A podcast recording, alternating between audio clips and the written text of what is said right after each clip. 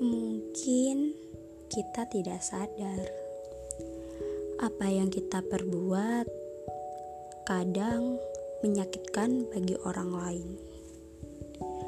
Kadang juga sebaliknya menyenangkan bagi orang lain. Kita itu nggak pernah tahu bagaimana posisi kita di hadapan orang lain. Wajar kalau ada yang suka, Wajar pula kalau ada yang benci. Tapi, apakah kita harus memaksa agar mereka suka sama kita? Apakah kita harus menjadi pura-pura baik supaya terlihat baik? Padahal sebenarnya kita juga gak baik. Mungkin setiap orang juga punya sisi gelapnya masing-masing. Terus, apakah jahat juga menjadi pilihan yang salah?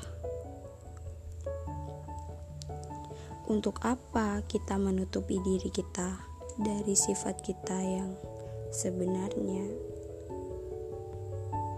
Apakah itu salah? Ya, gak ada yang salah sih. Semua itu pilihan.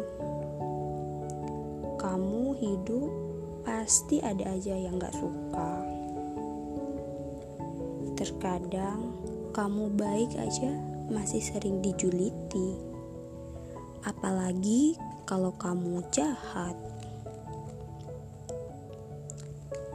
Hidup kamu itu gak akan berwarna kalau gak ada yang benci. Wajar kok ada yang benci. Anggap aja mereka sebagai pewarna hidup kamu.